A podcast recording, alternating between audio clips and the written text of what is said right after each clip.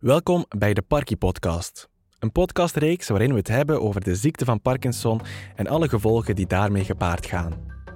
In deze zevende aflevering hebben we het over DBS, ofwel Deep Brain Stimulation. Wat dit exact is, welke patiënten hiervoor in aanmerking komen en wat de impact hiervan is, dat hoor je allemaal in deze aflevering.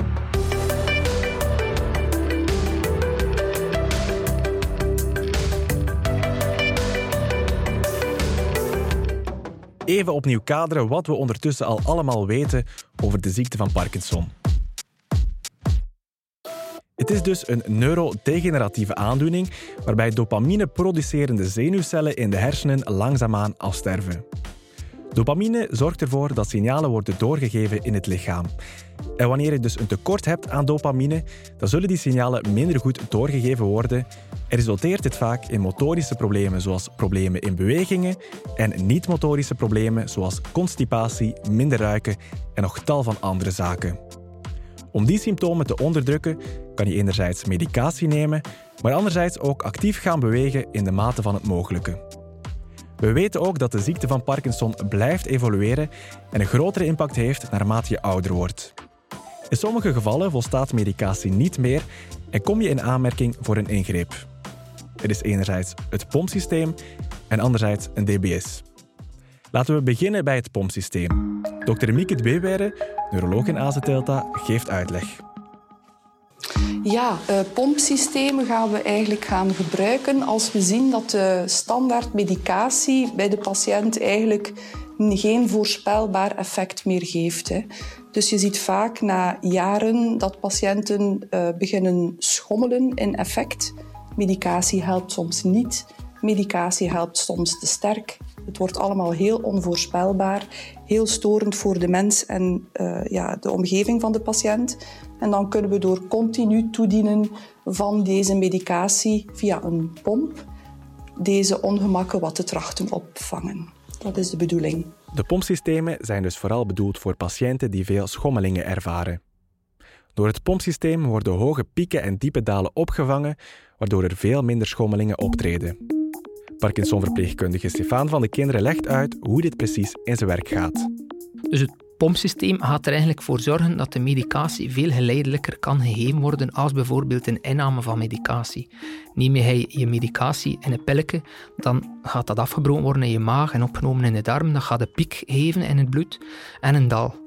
Terwijl dat medicatie via een pompsysteem heel geleidelijk aan in het lichaam komt. Dat is het voordeel aan zo'n pompsysteem. En uh, die pompsystemen, je hoeft daarvoor in aanmerking te komen natuurlijk. We plaatsen dat niet zomaar. Dus uh, je komt eerst naar het ziekenhuis voor een screeningsweek. En in die screeningsweek gaan we eigenlijk gaan kijken als dat product zijn werking doet. Um, doet dat zijn werking goed, dan wordt dat uh, goedgekeurd door een comité van weesgeneesmiddelen. Wordt dat goedgekeurd, dan kan de patiënt terugkomen naar het ziekenhuis voor zo'n pompsysteem te laten plaatsen. Uh, dat pompsysteem dat is eigenlijk via een buisje rechtstreeks in de maag dat die medicatie, die vloeibare levodopa, eigenlijk gegeven wordt. Ehm, en de patiënt kan dan eigenlijk dat zelf ook wel bedienen, maar continu krijgt die patiënt zijn medicatie, waardoor dat die patiënt beter geregeld is en beter de symptomen onder controle kan houden. Zoals Stefan al aanhaalde, niet elke patiënt komt in aanmerking voor zo'n pompsysteem. Je moet een screening doorlopen om te zien of je wel degelijk gebaat bent met zo'n pomp. Daarnaast is het ook niet voor elke patiënt aangeraden. Stefan legt uit bij welke patiënten dit het meeste voorkomt. Die pompsystemen gaan we echt aanraden bij mensen die echt fluctuerend zijn in medicatie, uh, alleen de symptomen van de medicatie, en die uh, ouder zijn dan 75. Uh, eh, omdat we merken dat dat een betere populatie is om een pompsysteem te plaatsen dan een DBS-operatie. Voor patiënten met een oudere leeftijd zal men dus eerder een pompsysteem aanraden. Voor jongere patiënten is dat een DBS, Deep Brain Stimulation, ofwel diepe hersenstimulatie. Dr. Frederik Clement, neuroloog in AZ Delta, legt uit wat dit precies is. Uh, diepe hersenstimulatie is eigenlijk een neurochirurgische techniek bij de behandeling van de ziekte van Parkinson, waarbij elektrodes in de hersenen worden geïmplanteerd die uh, impulsen geven om op die manier de motorische symptomen te controleren. Bij DBS worden dus elektrodes geplaatst in de hersenen. En die elektrodes sturen dan pulsen uit om vervolgens symptomen te gaan controleren. Het klinkt voorlopig nog heel technisch, maar daar komt snel verandering in. Stijn van Damme is DBS-verpleegkundige in AZ Delta en is zowat de meest ervaren DBS-verpleegkundige in België. Hij legt uit wat die DBS doet. DBS houdt de ziekte niet tegen, geneest ook de mensen niet, maar we zorgen eigenlijk voor symptoomcontrole. Dus alle nevenwerkingen die veroorzaakt werden voor de operatie, dus door de hoge medicatiedosissen, gaan weg. De schommelingen die de mensen ervaarden gedurende de dag, worden grotendeels ook opgegeven door, uh, door het DBS-systeem. En we zien dat de mensen in een meer stabielere ziektetoestand uh, belanden dan voor de operatie. DBS werd 24 op 24, 7 op 7. Uh, mensen zijn s'nachts ook beter, kunnen zich beter draaien in bed, kunnen makkelijker opstaan s'nachts. Um, het zorgt gewoon voor een algemene toename in de levenskwaliteit. Dat klinkt alvast veelbelovend. Maar kan iedereen zich kandidaat stellen voor zo'n DBS? Wel, niet meteen. Er zijn enkele voorwaarden waaraan je moet voldoen. Dr. Clement legt uit. Uh, wie komt er in aanmerking? Patiënten die minstens vijf jaar de diagnose hebben van de ziekte van Parkinson. Patiënten waarbij dat er belangrijke schommelingen worden uh, aangetoond voor wat betreft de motoriek. Dus die enerzijds periodes hebben van overbeweeglijkheid, maar ook anderzijds periodes hebben van blokkage. Dus dat is ook een belangrijke voorwaarde.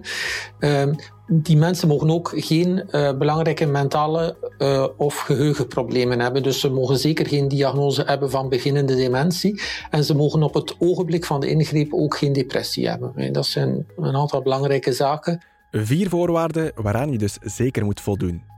1. Je hebt minstens vijf jaar de diagnose. 2. Je hebt belangrijke schommelingen in je motoriek. 3. Je hebt geen mentale problemen. En 4. Je hebt geen geheugenproblemen zoals beginnende dementie. Voldoe je aan die vier voorwaarden, dan volgt een screeningsweek. Dat is een opname van vier dagen waarin een team onderzoeken doet om te checken of je als patiënt geschikt bent voor een DBS. Stijn legt uit.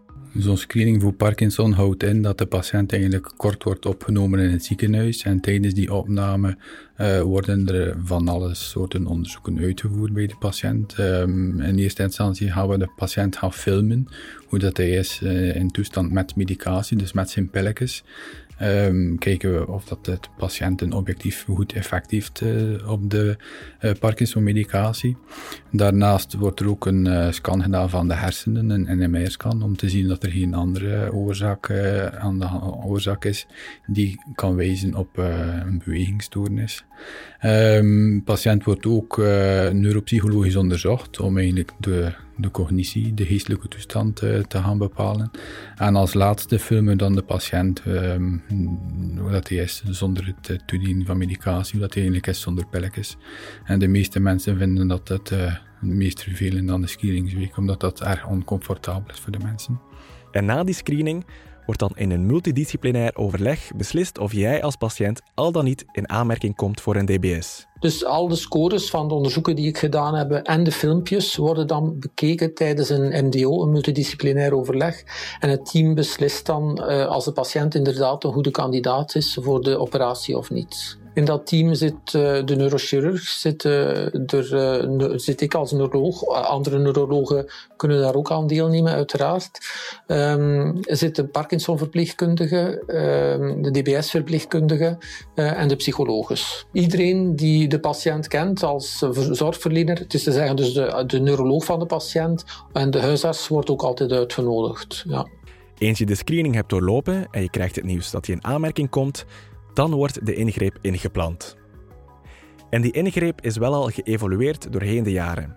Vroeger moest dit onder lokale verdoving, zodat de patiënt tijdens de operatie enkele tests kon ondergaan om te zien of de elektrodes op de correcte plaats waren aangebracht.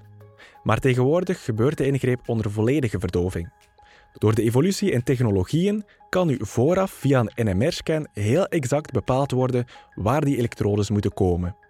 En op die manier kan de patiënt de ingreep onder volledige verdoving ondergaan. Uh, dus hier in het ziekenhuis doen we dat onder algemene verdoving. Uh, de patiënt komt naar de operatiezaal, wordt daar voorbereid. Um, en er worden dan eigenlijk twee gaatjes geboord uh, in de schedel. En langs die gaatjes worden dan elektroden op een hele precieze manier geïmplanteerd diep in de hersenen. Het klinkt niet meteen aangenaam. boren in de schedel, elektrodes plaatsen in de hersenen. En veel patiënten hebben dan ook wat schrik voor zo'n ingreep. Maar dat is eigenlijk niet nodig. Patiënten zijn inderdaad heel vaak angstig. Uh, het is natuurlijk altijd in het hoofd, zeggen ze. Ze gaan in mijn hoofd uh, opereren, ze gaan in mijn hoofd boren. Mensen zijn bang dat uh, een neurochirurg met zijn boren in de hersenen gaat boren, maar dat is helemaal het geval niet. voor de mensen is het in elk geval een zeer grote geruststelling dat die operatie onder algemene verdoving doorgaat hier in het ziekenhuis. mensen ehm, hebben ook geen derving meer van medicatie, hebben zo dat, dat afmoment niet meer. Ze komen aan in de operatiezaal, zijn in een, een goede on eigenlijk, worden in slaap gedaan, worden wakker op intensieve zorg en alles is eigenlijk achter de rug. Ze hebben al die stress niet. We doen dat uh, al sinds 1996, we waren het eerste centrum in België dat uh, deed hier, een diepe hersenstimulatie. We hebben een vaste equipe in de operatiezaal, het zijn altijd dezelfde mensen die aanwezig zijn. Um, we zijn rigoureus in onze planning, we zijn rigoureus in onze ontsmetting. Je hoort het. Angst voor een DBS-ingreep is dus niet meteen nodig. En toch is het iets wat vaak de kop opsteekt. Laure is 72 jaar, heeft al 17 jaar de ziekte van Parkinson en heeft ondertussen ook een DBS. Voor haar was dat niet meteen een makkelijke beslissing. Eerst en vooral heb ik dat oh, zeker een jaar eh, op de lange baan geschoven. Dat de neuroloog al zei, laat eens kijken of dat je daar niet voor in aanmerking komt. Je zou een stuk onafhankelijker, een stuk beter worden. Maar ja, in je hersens laten peuteren. Oneerbiedig gezegd. uh, doe je niet zomaar. En uiteindelijk uh, goede gesprekken gehad met de neuroloog en de hoofdverpleger van neurochirurgie. En met die gesprekken heb ik de beslissing, na die uh, gesprekken heb ik de beslissing. Ja, moest ik nu een jaar teruggaan. Of de, teruggaan op het moment dat de neurologe zei: Denk er eens aan om een DBS te laten plaatsen, dan zou ik daar eerder op ingaan. Na de ervaringen dat ik nu gehad heb. Ik vind het wel de moeite.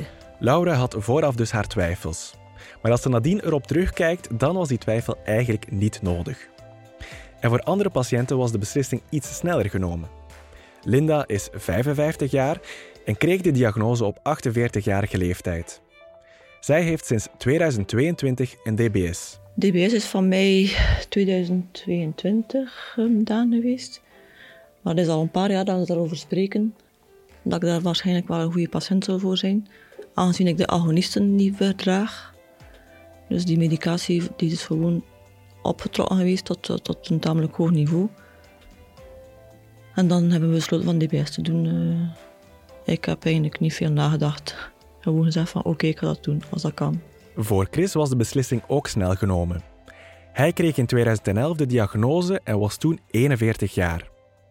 De ziekte van Parkinson had een zodanig grote impact op zijn dagelijkse leven dat een DBS de enige manier was om opnieuw aan levenskwaliteit te winnen. Voor Chris was het dan ook een echt kantelpunt in zijn leven. Hij was er helemaal klaar voor. De DBS ik beslist uh, in 2010, ja.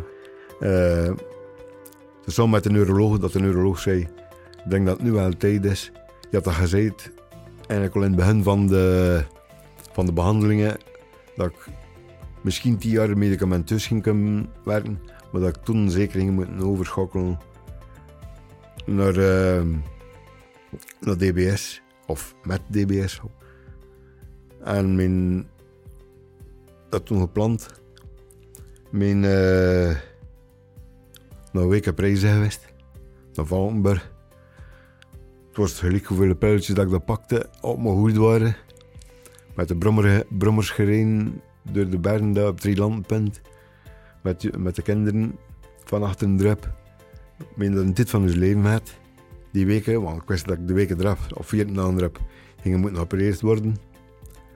En uh, de zondag voor mijn opname in mijn thuis met de kinderen mijn kaal geschoren omdat ze niet zo gingen schrikken achter dat me achter de operatie. En toen, uh, omdat ik er zo snel uitzag, Ik moet toen nog de zondag gaan eten. Voor de, gaan gaan eten. Met de kinderen en, mijn- broer. En mijn schoonzuster. En we zijn tot samen naar de kliniek vertrokken. We moesten opgenomen zijn de zondagavond voor de maandagmorgen opereerd te zijn. Maar ik word daar volledig, volledig, volledig gereed voor. Ik weet daar... eh, dat was het punt eigenlijk dat ik zei, dat, kan- dat gaat de veranderingen brengen in mijn leven. Oh, en dat leven dat ik toen had, dat was geen... Kwalitatief was dat niks meer. Dat schoot er niks meer van over. Ik keek in de spiegel, ik zag mezelf niet meer. Dat was het wie anders die dat, die dat stond. Dat was, dat, was, dat was het niet meer. En dan volgt de ingreep. De patiënt komt in de voormiddag binnen in het operatiekwartier. En rond de middag zit de ingreep er al op. Nadien breng je nog 24 uur door op intensieve zorg, zodat de neurologische toestand goed opgevolgd kan worden. En na enige tijd wordt de stimulatie via de DBS in gang gestoken. Voor Chris was dat moment letterlijk en figuurlijk een eye-opener. En die dag dat ik toen kwam om mij te starten, voor de, voor de, ja, voor de stimulatie in gang te steken. De vrouw zat even mee. Het eerste dat er gebeurde was, ik had een beetje pokerface. En mijn ogen waren een beetje toe. Het eerste, ze, dat er gebeurde, was in ogen. Zo, zo wit open, dat was ongelooflijk. Ik was er weer gaan, want ik heb doorgekomen in een rolstoel. Dus Han was al uit een boze. Ik ben uit de rolstoel gekomen en, en, de stoel daar gezeten, bij Steen, voor de stimulatie in gang te steken. Heb de stimulatie in gang gestoken. Een beetje gezocht welke voer worden. En keek ik al stappen naar buiten wist. Ik heb een trap gepakt. Dat was mijn eerste werk. Dat ik weer een trap deed naar beneden. Noto in en naar. De stimulatie via DBS had dus meteen een impact op de motorische problemen van Chris. Maar ook niet-motorische symptomen kunnen door de DBS en de medicatieafname verdwijnen. Mijn slaap is enorm verbeterd, want ik sliep niet veel. Ik sliep twee tot drie uur per nacht. Terwijl nu is toch, zoals vannacht, acht uur geslapen. Niet in één keer, ik moet wel nog opstaan voor naar het toilet te gaan, maar allee, ik slaap heel onmiddellijk, terwijl vroeger niet. Eh, ik heb geen constipatie meer. Eh, ik ben rustiger ook. Ik las enorm graag, maar dat kon niet meer doordat, ik in slaap viel tijdens het lezen. En sinds mijn DBS heb ik weer de smaak te pakken gekregen van te lezen. Kan ik weer het verhaal begrijpen dat ik aan het lezen was. Vroeger was het zo altijd een keer terugbladeren van wat heb ik het nu gelezen gisteren of, of over vanmorgen of zo. Het lezen is wel teruggekomen en dat vond ik wel leuk dat ik weer kan lezen. En interesse in lezen. Voorlopig is het dus allemaal roze geur en maneschijn. Maar zijn er dan niets van bijwerking mogelijk? Toch wel. Maar die vallen heel goed mee. DBS-verpleegkundige Stijn legt uit. Mm, Dat horen we toch wel meestal dan van de partner, eh, die soms vertelt dat de patiënt karakterieel een beetje veranderd is, dat hij eh, assertiever geworden is. Ehm, nevenwerking van de spraak zijn wetenschappelijk aangetoond eh, na langdurige stimulatie dat je spraakproblemen kunt gaan ontwikkelen. Maar dat is ook een beetje inherent aan de ziekte van Parkinson, denk ik. Eh, als we echt spraakstoornissen hebben die uitgelokt worden door de stimulatie, wil dat zeggen dat de elektrode eigenlijk niet op zijn goede plaats zit. Eh, en wil dat ook zeggen dat die operatie zou moeten opnieuw, opnieuw doorgaan. Maar tot op heden hebben we dat gelukkig nog nooit gehad. Een mogelijke nevenwerking is dus dat de spraak wat minder is. Voor Linda is dat voorlopig ook het enige minpuntje. Eh, slechter. Het spreken misschien is wel minder, vind ik persoonlijk minder goed.